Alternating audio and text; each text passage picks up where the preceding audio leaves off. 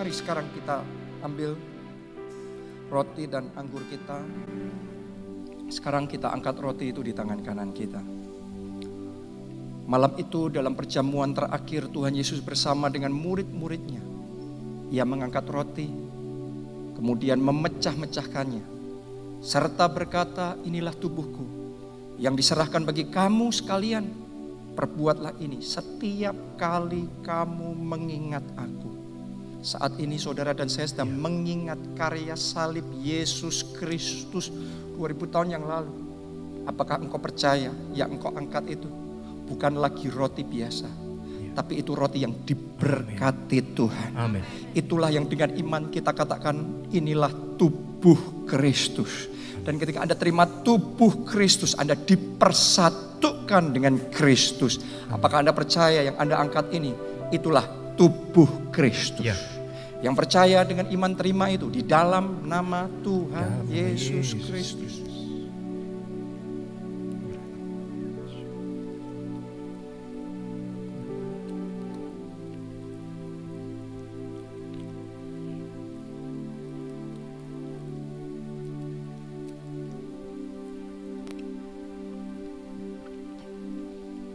Sekarang kita angkat cawan itu di tangan kanan kita. Demikian pula Tuhan Yesus mengangkat cawan yang berisi dengan anggur itu. Kemudian dia berkata, inilah darahku, darah perjanjian baru. Perbuatlah ini setiap kali kamu mengingat aku. Apakah Anda percaya yang engkau angkat itu? Itulah darah Kristus. Apakah Anda percaya ketika engkau terima darah Kristus, dosa-dosamu dihapuskan? dan digantikan yeah. dengan kebenaran Kristus. Yeah. Apakah engkau percaya ketika engkau terima darah Kristus, maka kutuk dipatahkan, yes. Amin. kutuk kemiskinan dihancurkan, Amin. kutuk kegagalan dihancurkan, Amin. dan berkat-berkat ilahi dicurahkan dalam hidup saudara. Yeah. Apakah Anda juga percaya ketika engkau terima darah Kristus? Saat ini juga sementara kita terima darah Kristus, maka darah itu akan mengalir masuk di dalam diri kita. Yeah. Dan semua sakit penyakit akan ditelan habis.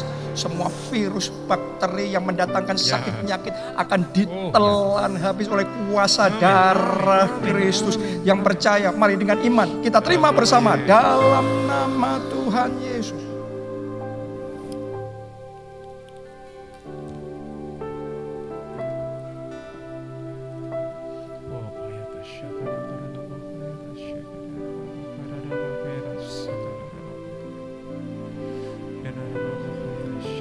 Sudah letakkan cawan itu, angkat dua tanganmu, bahasa roh, bahasa roh, bahasa roh,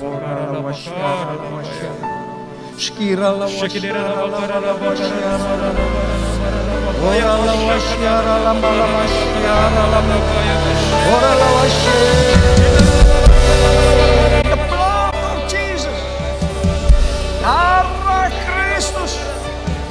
Kuasanya sedang bekerja saat ini saudara terima itu kesembuhan. Saya rasakan roh kudus sedang bergerak. Menyembuhkan.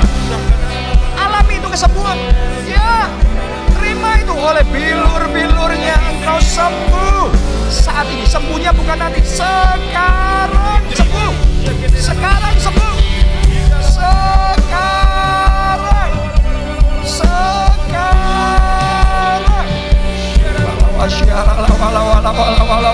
Sekarang mujizat terjadi, kesembuhan terjadi, keajaiban terjadi. Rasakan saudara, rasakan. Alami, terima itu dengan iman. In the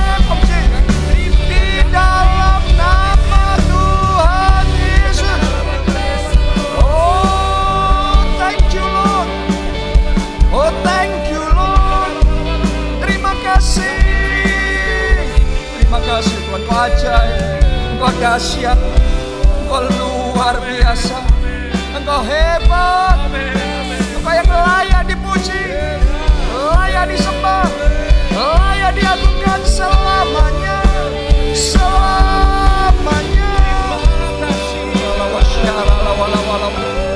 Jesus, Jesus, Jesus. Terima kasih saat ini menerima firman-Mu, urapi setiap perkataan yang keluar dari mulut ini, sehingga ketika kata-kata ini disampaikan, maka mujizat terjadi, Amin. pemulihan terjadi, kesembuhan terjadi, dan perkara-perkara yang besar Tuhan nyatakan di tengah-tengah kami. Kami mau buka hati kami lebar-lebar, berfirmanlah ya Tuhan, kami siap menerimanya. Dalam nama Yesus kami berdoa, semuanya kita katakan, Amin. Tepuk tangannya yang meriah buat Tuhan kita. Haleluya. Haleluya. Silakan duduk. Silakan duduk Bapak Ibu Saudara.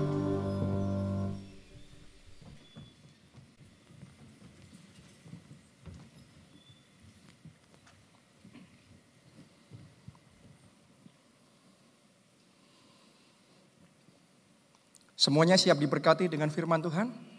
Yang siap terima firman Tuhan, lambaikan tangan saudara. Ayo kita tepuk tangan sekali lagi yang paling meriah buat Tuhan kita. Hari ini saya akan membagikan kepada saudara semua satu pesan firman Tuhan yang judulnya adalah masa lalu yang gelap berlalu. Oke, jadi jangan hidup di masa lalu yang gelap itu. Oke, jangan terbelenggu dengan masa lalu yang pahit itu. Kenapa?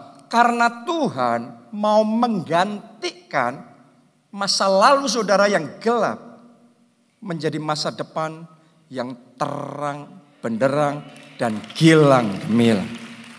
Mari kita baca Yesaya 60 ayat 14 sampai ayat yang ke-15. Anak-anak orang-orang yang menindas engkau akan datang kepadamu untuk dan tunduk. Dan semua orang yang menista engkau akan sujud menyembah telapak kakimu. Mereka akan menyebut engkau kota Tuhan, Sion, milik yang maha kudus, Allah Israel. Jadi kalau Anda perhatikan di dalam ayat 14 yang baru saja kita baca, Anda ngerti bahwa ada orang-orang yang hidupnya ditindas. Ada orang-orang yang hidupnya dinista. Itu yang dilakukan oleh bangsa Mesir terhadap bangsa Israel, yaitu menindas dan menista sedemikian rupa sampai hidup mereka menjadi pahit. Selama sekian ratus tahun bangsa Israel ada di bawah perbudakan bangsa Mesir ditindas dan dinista sedemikian rupa. Akhirnya hidupnya jadi pahit, akhirnya hatinya menjadi pahit, semuanya menjadi pahit. Itu adalah masa lalu mereka yang gelap. Berapa banyak orang yang di dalam hidupnya mengalami mirip seperti yang dirasakan oleh bangsa Israel. Masa lalunya gelap. Mungkin saudara merasa dalam hidup saudara Anda ditindas.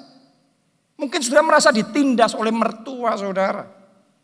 Bisa jadi ada istri yang merasa ditindas oleh suaminya sendiri. Harusnya melindungi tapi malah menindas. Tapi zaman sekarang juga terbalik loh. Ada suami-suami yang merasa tertindas oleh istrinya saudaraku. Oke?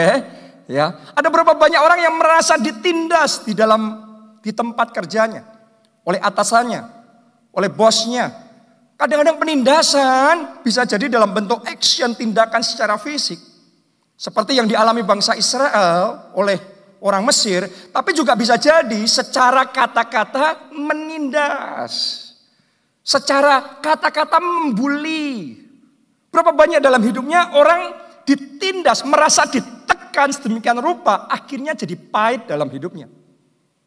Ada lagi sebagian orang yang merasa dinista dihina, ya, diejek, dipermalukan, direndahkan, dipandang sebelah mata. Nah, karena terus-menerus menerima perlakuan seperti ini, kadang-kadang sebagian orang akhirnya hatinya menjadi tawar. Hidupnya menjadi tawar. Semuanya rasanya bukan cuma tawar, tapi bahkan pahit. Itu yang jadi kehidupannya. Itu yang jadi masa lalunya, yaitu gelap. Tapi hari ini saya mau ngomong satu pesan Tuhan buat saudara semua di tempat ini. Tidak peduli segelap apa pun masa lalu Anda, percayalah terang kemuliaan Tuhan akan bersinar atas hidup saudara. Terang Tuhan terbit atas saudara. Kemuliaan Tuhan jadi nyata di dalam hidup saudara. Amin. Ayo kita baca ayat yang ke-15. Ditulis begini. Sebagai ganti. Jadi kalau ada yang merasa masa lalunya gelap, Tuhan punya ganti buat saudara. Oke, sebagai ganti keadaanmu dahulu. Semuanya katakan dahulu. Maka engkau dahulu apa? Ditinggalkan. Bapak sebelumnya apa? Dibenci. Terus apa? Tidak disinggahi seorang pun. Itu dahulu. Kata berikutnya apa? Sekarang. Semuanya katakan yang keras sekarang.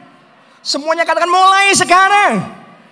Aku akan membuat engkau menjadi kebanggaan abadi, menjadi kegirangan turun-temurun. Yang percaya, terima itu.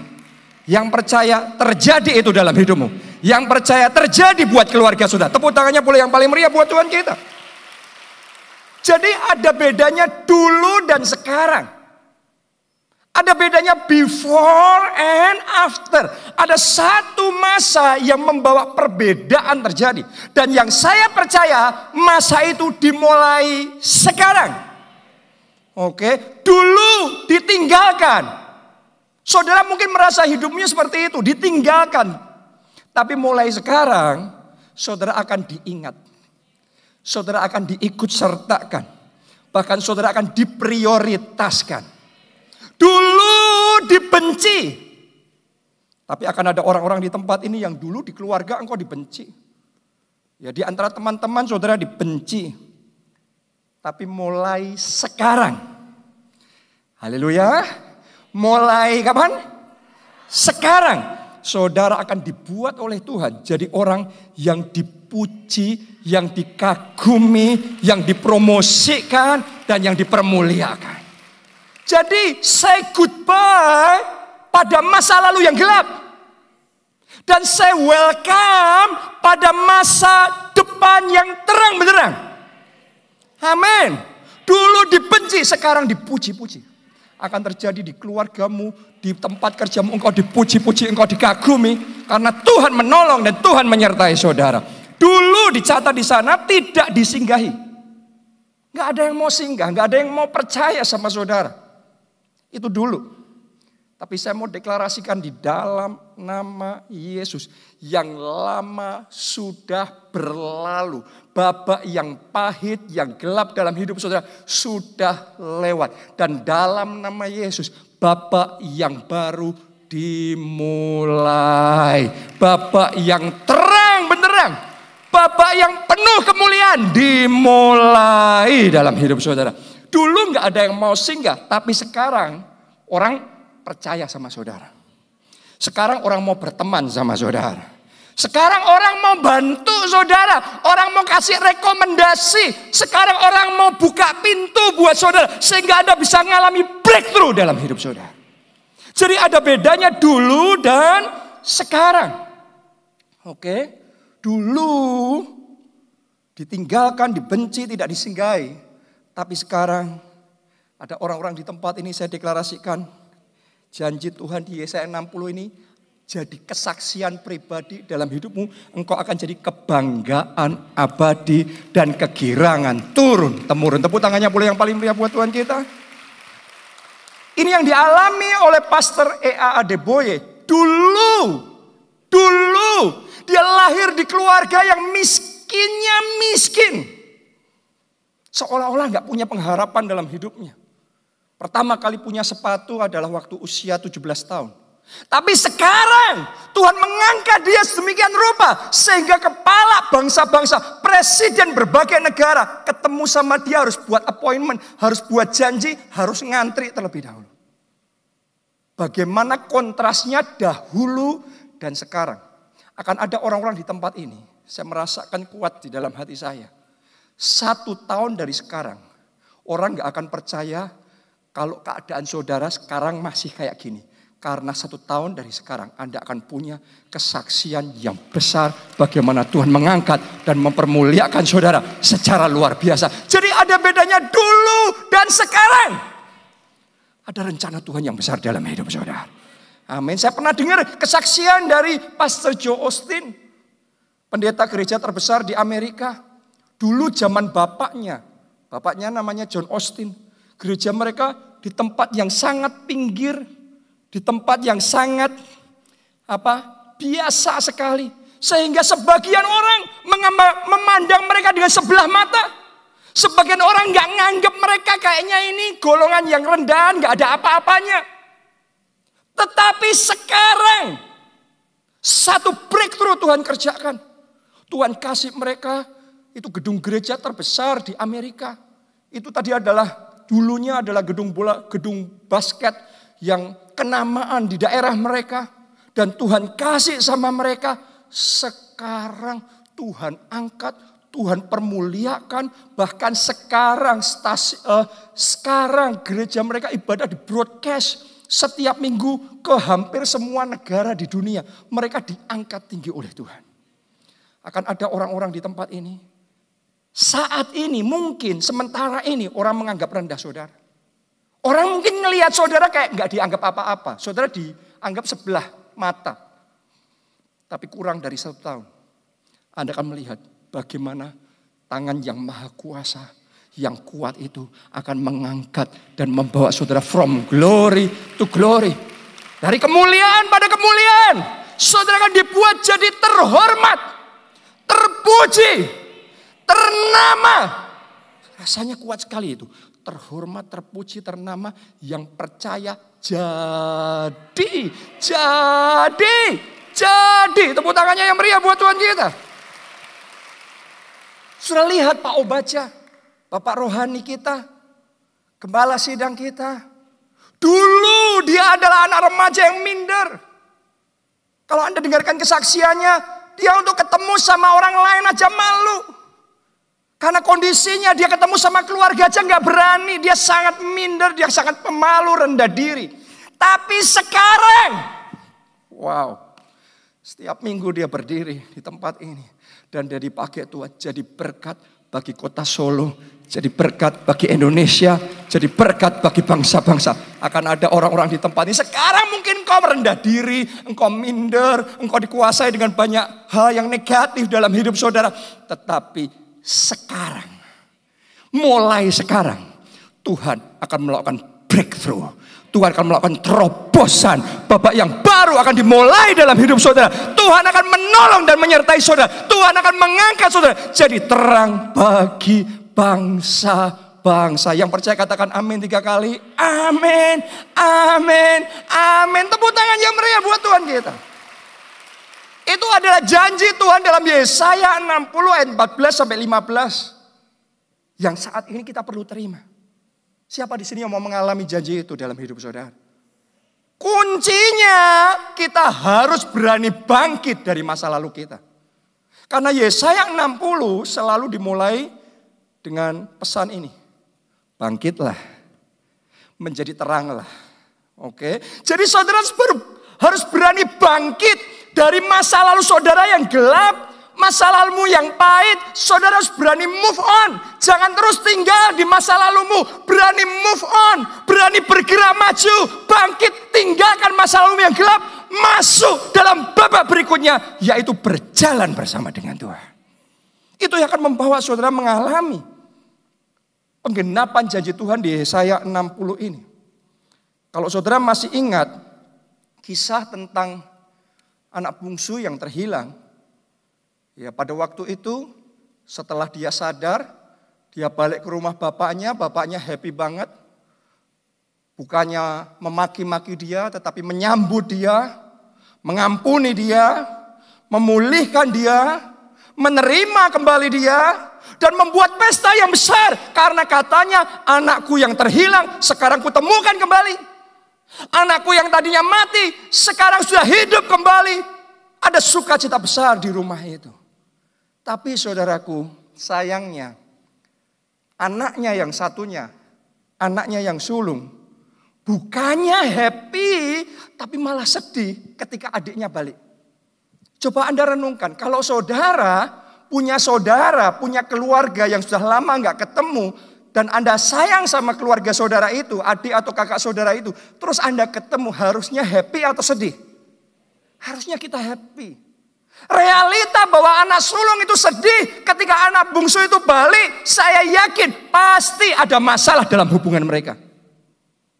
Saya yakin pasti ada sesuatu yang terjadi di masa lalu sehingga hubungan mereka nggak enak. Ada pahit hati, ada kecewa, yang masih belum bisa dibereskan dalam hati anak sulung ini. Sehingga ketika dia melihat adiknya balik bukannya happy tapi dia marah, dia sedih. Artinya anak sulung ini belum bisa move on dari masa lalunya. Anak sulung ini belum bisa meninggalkan kekecewaannya, kepahitannya padahal terjadinya sudah sekian tahun. Masa itu sudah lewat sekian tahun. Tapi dia belum bisa bereskan dalam hatinya. Gara-gara belum bisa beres hatinya. Belum bisa move on. Belum bisa tinggalkan masa lalunya. Masih di penjara sama masa lalunya. Anak sulung ini tidak bisa menikmati sukacita yang dinikmati bapaknya. Anak sulung ini di luar. Yang lainnya ada di dalam. Dia di luar sendiri. Dia terisolasi sendiri. Orang kalau nggak bisa move on dari kecewanya, hidupnya terisolasi, hidupnya cuma mengasihani diri sendiri, merasa diri sendiri paling menderita, paling susah itu yang dirasakan anak sulung itu. Gara-gara belum bisa move on di masa lalunya, dari kekecewaannya, dia nggak bisa ikut pesta besar, dia nggak bisa mengalami berkat besar yang sedang terjadi pada waktu itu. Kenapa? Kekecewaan memenjarakan dia tidak bisa masuk di masa depan yang sebenarnya Tuhan sediakan di dalam kehidupannya. Jadi hari ini saya mau ajak saudara untuk menyadari kalau kita tidak bisa move on dari kecewa, kejadian itu sudah 15 tahun. Sudah 25 tahun yang lalu. Tapi masih kita ingat, masih kita jengkel sama orang itu. Masih saja kita perkarakan hal itu dalam hati kita. Saya mau ngomong sama sudah tanpa kita sadari. Kita memenjarakan diri kita. Dan kita bisa melewatkan pesta besar, berkat besar, kemuliaan besar Tuhan mau kerjakan. Kita nggak bisa ngalami gara-gara belum bisa move on. Belum bisa meninggalkan masa lalu yang gelap dan pahit itu. Kejadian traumatik yang pernah engkau alami, kalau engkau belum bisa bangkit, belum bisa tinggalkan itu, sudah akan melewatkan hal-hal yang indah, sukacita yang Tuhan mau berikan, sudah nggak bisa dapatkan kalau belum berani, belum ambil keputusan untuk move on, untuk tinggalkan masa lalu itu. Masih ingat nggak saudaraku kisah Ahitofel? Ahitofel itu adalah penasehat terbaiknya Daud.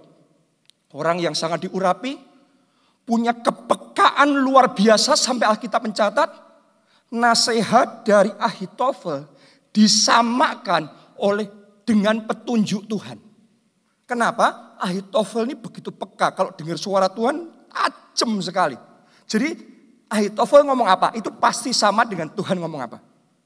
Jadi tidak diragukan talentanya tajam. Kepekaannya luar biasa, pengurapannya hebat. Tapi suatu hari Ahitofel kecewa. Kenapa dia kecewa? Karena Daud rajanya itu jatuh dalam dosa sama Betseba, terus merusak keluarga mereka. Suaminya Betseba dikirim ke medan perang, terus kemudian mati. Sudah tahu nggak? Betseba itu cucunya Ahitofel. Dan Ahitofel sangat kecewa. Ternyata orang kalau sudah kecewa, belum bisa move on, belum bisa membereskan hatinya. Anda baca tuh di Alkitab. Gak berapa lama Ahitofel mogok, Ahitofel ninggalkan Daud, Ahitofel pulang ke kampung halamannya. Mundur, dia nggak lagi bisa berkarya. Tapi kecewanya merampas dia dari prestasinya. Kecewanya merampas dia dari berkarya. Dia sekarang pulang kampung undur. Berapa banyak anak Tuhan kalau kecewa. Gak bisa maju ke babak berikutnya, ke level berikutnya. Anda mau maju, tapi kecewa sudah akan menghalangi saudara maju ke level berikutnya. Berapa banyak orang kecewa sama ketua kelompok selnya, kecewa sama saudara seiman, sesama pelayan Tuhan, apalagi gembala sidangnya. Akhirnya apa? Kita undur dari Tuhan, undur dari pelayanan, undur dari kelompok sel. Itu yang dialami Ahitofel. Bahkan bukan hanya itu, suatu saat ketika dia mendengar Absalom memberontak melawan Daud, Ahitofel bergabung sama Absalom. Tapi dia nggak sadar walaupun Daud salah. Daud sudah minta ampun bertobat. Tuhan sudah ampuni. Sekarang Ahitofel melawan Daud yang sudah sempat salah. Tapi Ahitofel dibela, uh, Daud dibela sama Tuhan. Ahitofel kalah. Daud yang menang. Akhirnya Ahitofel mati gantung diri. Coba saudara renungkan, kecewa merampas dirinya dari segalanya, merampas kehormatannya, merampas akhirnya nyawanya sendiri. Saya mau ngomong sama saudara Tuhan mau memberkati saudara. Tuhan mau bawa saudara ke next level, ke babak berikutnya, from glory to glory dalam hidup saudara. Tuhan mau berikan berkat yang besar dalam hidup saudara. Tapi sering kali yang menghalangi kita terima itu adalah kecewa. Pahit hati, nggak bisa move on dengan masa lalu, masih terus memperkarakan itu. Saya sudah melihat saudaraku, orang-orang kalau belum bisa lepas dari kecewanya, itu bahkan merusak orang yang baik sekalipun jadi jahat. Kenapa? Orang baik bisa jadi orang jahat gara-gara kecewa.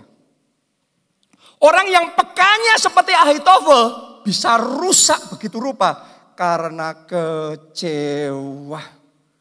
Orang yang dulunya Anda kenal waktu remaja ceria, semua teman-temannya suka, anak-anak kecil suka, ketika dewasa jadi keras sekali, jadi tajam ngomongannya menyakiti banyak orang.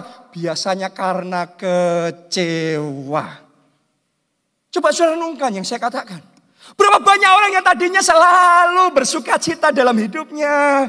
Orang-orang suka, tapi sekarang kalau Anda dekat selalu berkeluh kesah, selalu mengasihani diri, selalu merasa hal-hal yang jelek yang terjadi dalam hidupnya. Kenapa? Kecewa yang belum bisa dibereskan.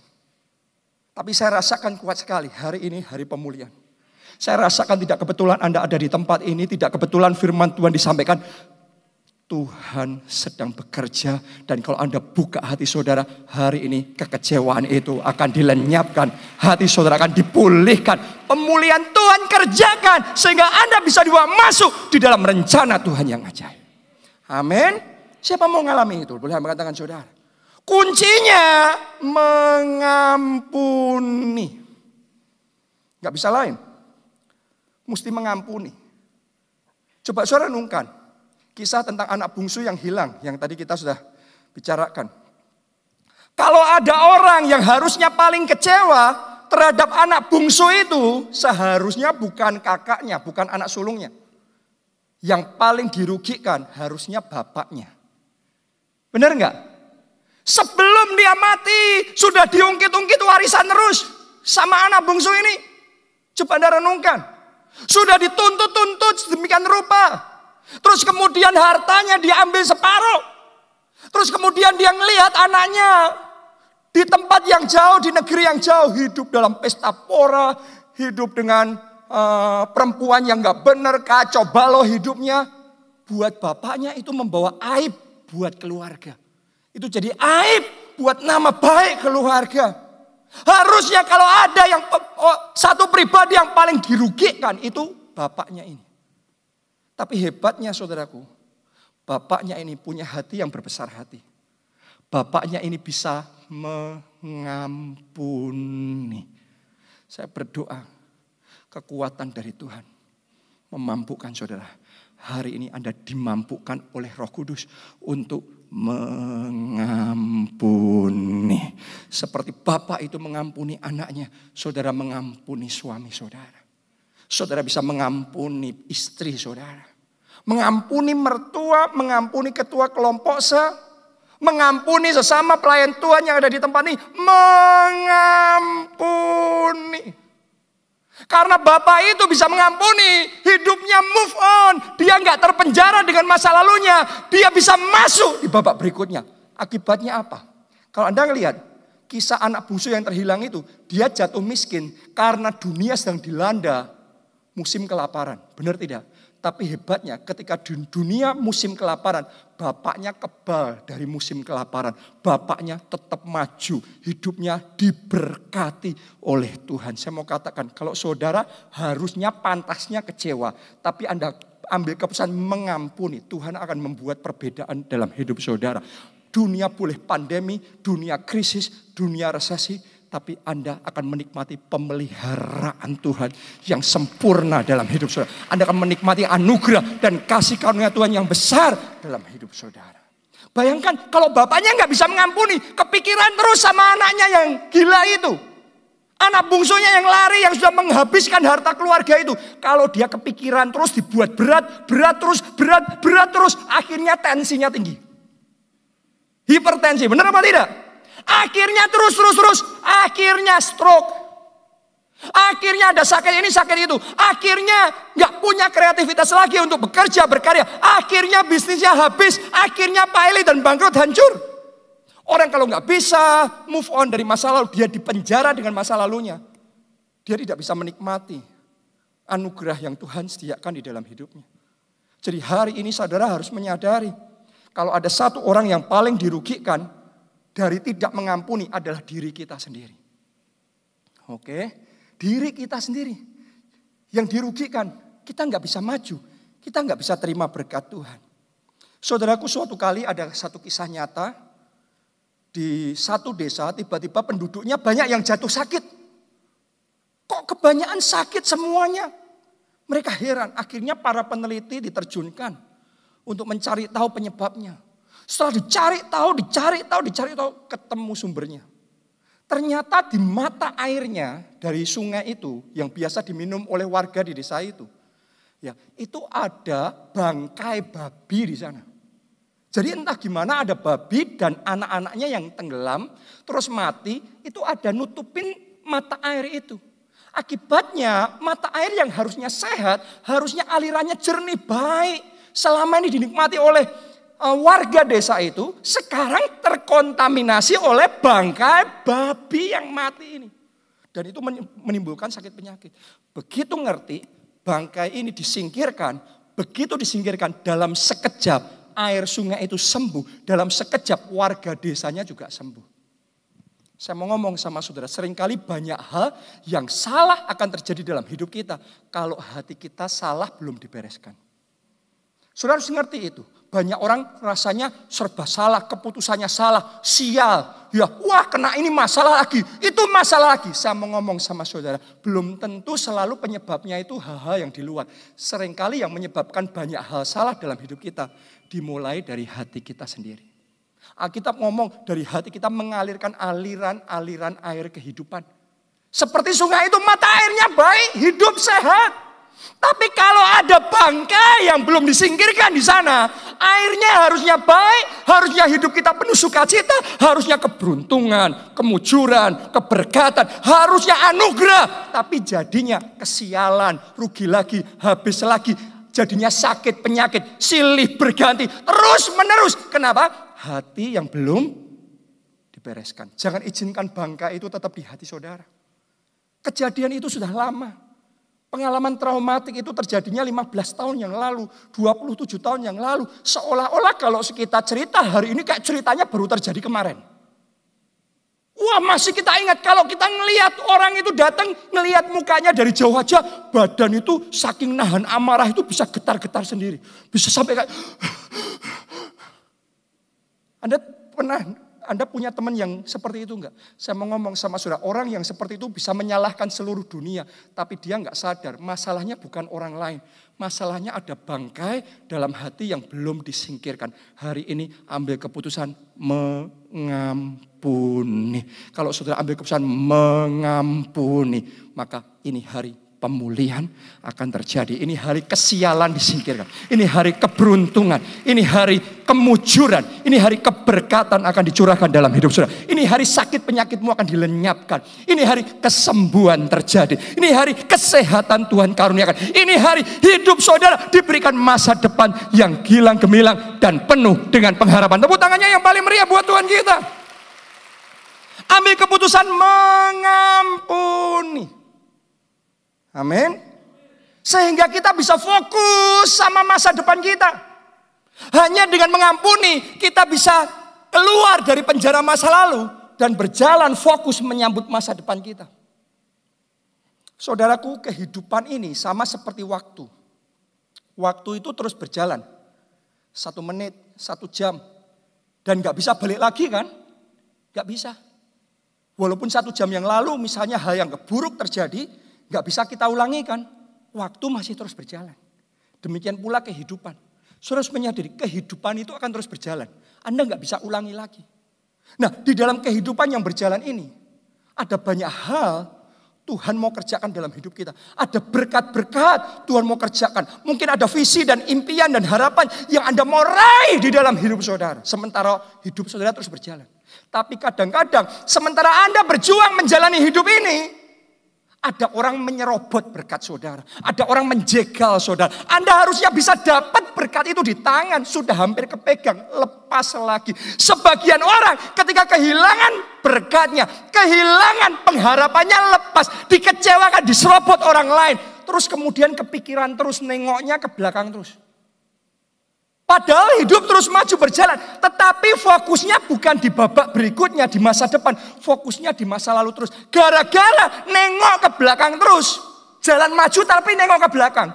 Dia nggak bisa ngelihat di babak berikutnya ada hal-hal yang baru, yang lebih indah, yang lebih besar, yang Tuhan mau kerjakan. Dia kehilangan semua yang baru, yang indah, yang besar gara-gara fokusnya terus di masa lalu.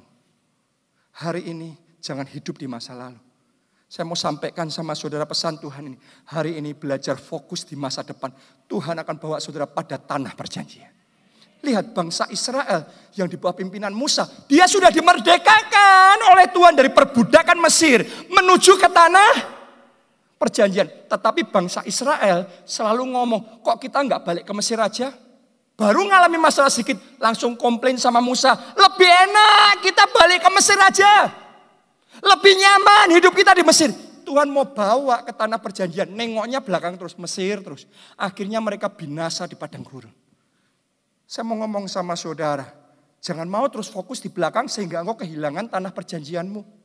Belajar seperti Yusuf. Yusuf dikianati saudara-saudaranya. Yusuf diperlakukan tidak adil. Dijual jadi budak. Kalau dia terus meratapi masa lalu itu. Dia nggak bisa kerja baik di tempat Potifar. Dia nggak bisa berkarya dengan luar biasa, punya kreativitas dan ketajaman seperti itu. Saudaraku, kenapa? Karena pikirannya hanya masalah kakakku jahat sekali. Kakakku jahat sekali. Gara-gara kakakku hidupku susah, hidupku menderita. Kalau dia kayak gitu, nggak punya masa depan. Tapi Yusuf tahu yang lalu nggak bisa diulangi lagi.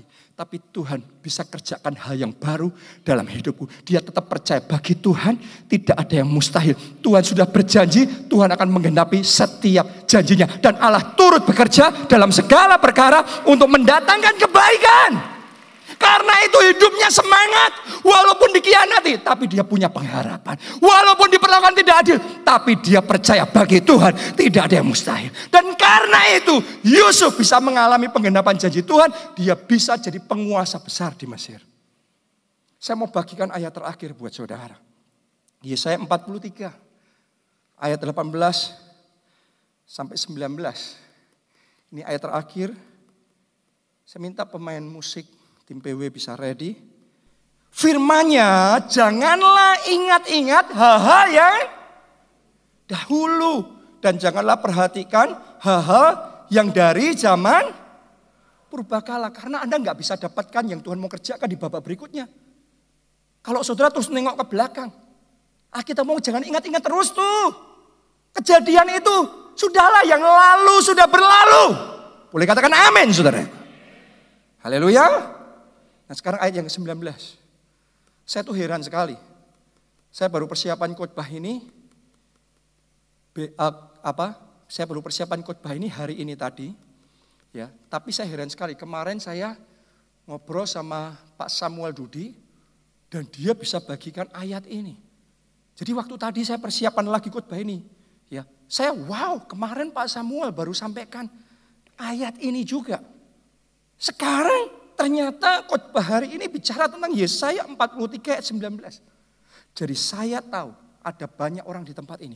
Ini ayat akan jadi rema dalam hidup saudara. Dan kalau Anda tangkap rema ini, Tuhan akan lakukan hal-hal yang baru, hal-hal yang indah dan luar biasa dalam hidup saudara. Amin.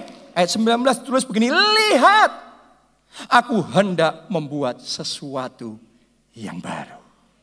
Boleh katakan amin, amin, amin. Boleh katakan dari hati amin, amin, amin. Yang lama sudah berlalu. Lihat, aku hendak melakukan sesuatu yang baru. Haleluya. Yang sekarang sudah tumbuh, belumkah kamu mengetahuinya?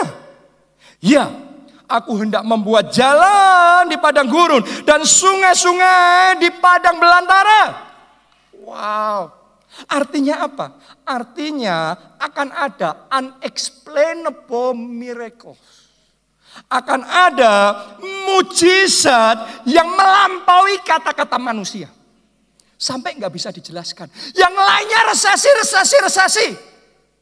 Tapi saya ini semakin ketemu banyak jemaat keluarga Allah. Justru di saat resesi mereka diberkati jauh lebih lebih besar daripada di masa baik di dalam sejarah hidup mereka. Ini puncak keberkatan mereka alami dalam hidup mereka. Saya tahu hal yang baru ini Tuhan juga kerjakan dalam hidupmu, dalam hidupmu, dalam hidupmu, dalam hidupmu. Mungkin sudah ngomong sama saya, Papa, tapi selama ini saya terdampak pandemi juga. Saya terdampak krisis resesi. Yes, tapi lihat, aku hendak melakukan sesuatu yang baru. Wow, karena saya ketemu sama jemaat keluarga Allah yang terdampak resesi, yang kolaps bisnisnya karena pandemi ini. Tapi lihat, Tuhan sedang melakukan sesuatu yang baru. Satu persatu mereka yang saya ketemu itu, yang tadinya terdampak, tapi dipulihkan. Dipulihkannya nggak sama, dipulihkannya berlipat kali ganda lebih dari sebelumnya. Terjadi, terjadi, terjadi. Lihat, aku hendak melakukan sesuatu yang baru. Yang lainnya ngerem semua. Di masa kayak gini yang lainnya ngerem semua. Karena katanya bahaya nih, bahaya nih. Tetapi ada anak-anak Tuhan. Justru di masa seperti sekarang. Saudara disuruh sama Tuhan jadi seperti Isa. Yang di masa krisis malah menabur. Dan ketika dia menabur, Alkitab ngomong pada tahun itu juga. Menuai seratus kali ganda. Wow, saya saya berdiri di sini saya perlu ngomong sama saudara, saya mau sampaikan pesan Tuhan buat saudara. Akan ada orang-orang di tempat ini ketika Anda mendengar suara roh kudus. Anda berani melangkah dengan iman melakukan. Ada orang-orang di sini, dua bulan terakhir dari tahun 2020. Engkau akan mengalami keberkatan yang sangat masif. Yang tidak bisa dijelaskan dengan kata-kata manusia. Dan belum pernah terjadi sebelumnya dalam sejarah saudara. Anda akan alami karena ini hal yang baru yang sedang Tuhan kerjakan di dalam hidup saudara. Wow. Ini masanya Tuhan membuat hal-hal yang baru di dalam hidup kita. Harusnya saudara tamat, harusnya saudara bangkrut secara manusia itu yang sekarang di depan saudara. Tetapi lihat, aku melakukan sesuatu yang baru. Engkau enggak tamat, engkau selamat. Oke, engkau enggak akan habis, tapi Tuhan akan bawa saudara melesat naik, terbang tinggi bagaikan raja wali, melakukan perkara-perkara besar bersama dengan Tuhan. Lihat, aku hendak melakukan sesuatu yang baru. Anda percaya? Saya deklarasikan mulai saat ini masa lalumu yang gelap dan pahit sudah berlalu dan digantikan masa depan yang gilang gemilang dan penuh pengharapan dinyatakan dalam hidup saudara. Tepuk tangannya boleh yang paling meriah buat Tuhan kita. Mari bangkit berdiri, bangkit berdiri, bangkit berdiri. Hanya engkau. Hanya, engkau pribadi yang mengenal hatiku. Tiada yang tersembunyi bagimu. Seluruh isi hatiku kau tahu. Dan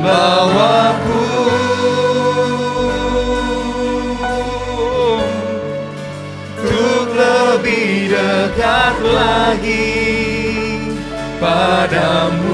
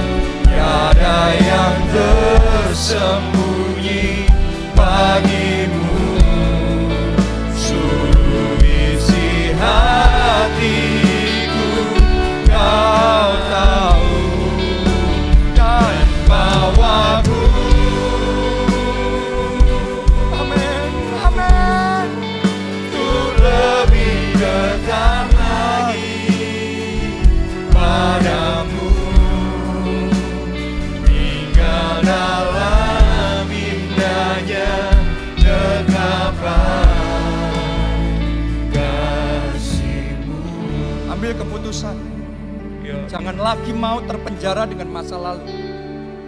Caranya gimana? Ambil keputusan. Buang kecewa, Ya. buang pahit hati itu. Jangan pelihara itu. Firman Tuhan ngomong jangan ingat-ingat ah, yang dahulu terus kesalahan sudah terjadi 15 tahun lalu, 30 tahun lalu, masih terus dipegang, terus diingat. No, no, no, no, buang itu. Ambil keputusan hari ini untuk move on. Hari ini untuk pindah. Jangan hidup lagi di masa lalu. Tapi mulai berjalan bersama dengan Tuhan. Menatap hari esok. Menatap masa depan. Karena ada rancangan Tuhan yang indah. Rencana Tuhan yang besar yang dia mau kerjakan. Tapi saudara hanya bisa masuk di masa depan itu. Kalau fokus saudara benar. Fokus saudara sama masa depan. Siapa di tempat ini yang mau ambil keputusan mengampuni? Ya. Siapa di tempat ini yang mau ambil keputusan tidak lagi terpenjara dengan masa lalu? Mari semuanya berdoa. Angkat suara suara berdoa. Katakan sama Tuhan, aku mengampuni Tuhan. Aku mengampuni. Hari ini aku sadari Tuhan. kekecewaan hanya memenjarakan hidupku. Ya Orang lawa lapa syara lapa syara. Syakadara-labara-labara. Jamah hatiku. Biar kasih dari surga itu yang memampukan. Untuk aku mengampuni. Untuk aku mengampuni. Ora lawa syara lapa kasyara lapa. Oh, lepaskan masa lalu itu saudara. Lepaskan trauma-trauma, kepahitan, sakit hati, kecewa, dendam, amarah. Lepaskan. Tuhan, aku mau Tuhan. Mampukan aku Tuhan. Aku mau mengampuni. Lepaskan. Aku mengampuni. Ora lawa syara lawa. Oh, jamah hati kami Tuhan. Penuh, penuhi dengan roh kudus. Jamah. Jamah hati kami. Jesus, Jesus. Ya, ya, ya. Kasihmu yang lembut membebat hati kami. Kami dipulihkan. Kami dibaharui. Amin. Kami dimerdekakan. Kami dilepaskan. In the name of Jesus. Yang kedua saudara, Yesaya 43 ayat 19. Lihat, aku hendak membuat sesuatu yang baru. Babak yang baru dimulai. Babak yang baru Ya. dimulai. Babak yang baru dimulai. Apa babak yang baru? Saya deklarasikan di dalam nama Tuhan Yesus. Orang-orang di tempat ini, angkat dua tangan saudara. Angkat dua tangan saudara.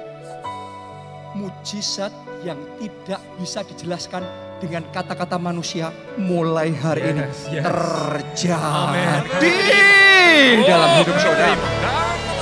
Babak yang baru dimulai. Sementara dunia sedang rontok di dalam pandemi, di dalam krisis, dalam resesi. Tapi Anda diangkat tinggi. Anda diberi sayap oleh Tuhan. Terbang tinggi. Masuk dalam anugerah. Masuk dalam kasih karunia. Saya nubuatkan dalam nama Yesus. Akan ada orang-orang di tempat ini. Terima hujan berkat. Amin. Berlipat kali ganda. Sehingga Anda bisa mengembalikan persepuluhan tujuh kali ganda. Oh akan terjadi. Akan ada orang-orang yang seperti itu. Terjadi. Terjadi. Akan ada orang-orang di tempat ini. Sebelum 2020 berakhir. Anda sudah mengalami mujizat. Jadi, jadi, jadi, jadi, jadi, jadi, jadi, jadi. Mungkin saudara ngomong, Pak, tapi sekarang masih pandemi. Pandeminya belum selesai. Saya mau ngomong sama saudara, Tuhanmu tidak nunggu pandemi selesai. Yes. Tuhanmu tidak pernah dibatasin sama pandemi. Kalau dia berkati, mau pandemi kah, mau krisis kah, Amin. mau resesi kah, Amin. tangannya lebih besar, tangannya lebih berkuasa, tangannya lebih kuat. Angkat dua tanganmu, terima berkat, terima berkat, terima berkat, terima berkat, terima mujizat, terima mujizat, terima mujizat, terima mujizat. Oh, ralabasya, ralabasya. Doa, saudara, doa. Oh, katakan aku terima. Aku terima. Terima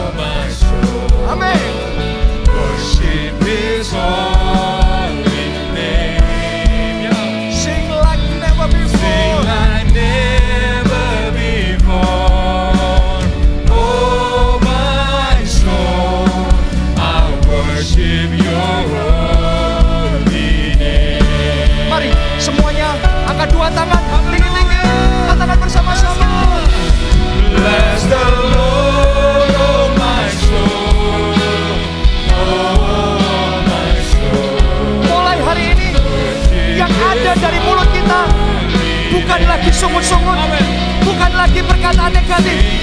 Yang keluar dari mulut kita puji-pujian, pengagungan. Amin. Amin. Cepat saja, cepat sendiri, cepat sendiri. Bless the Lord, oh.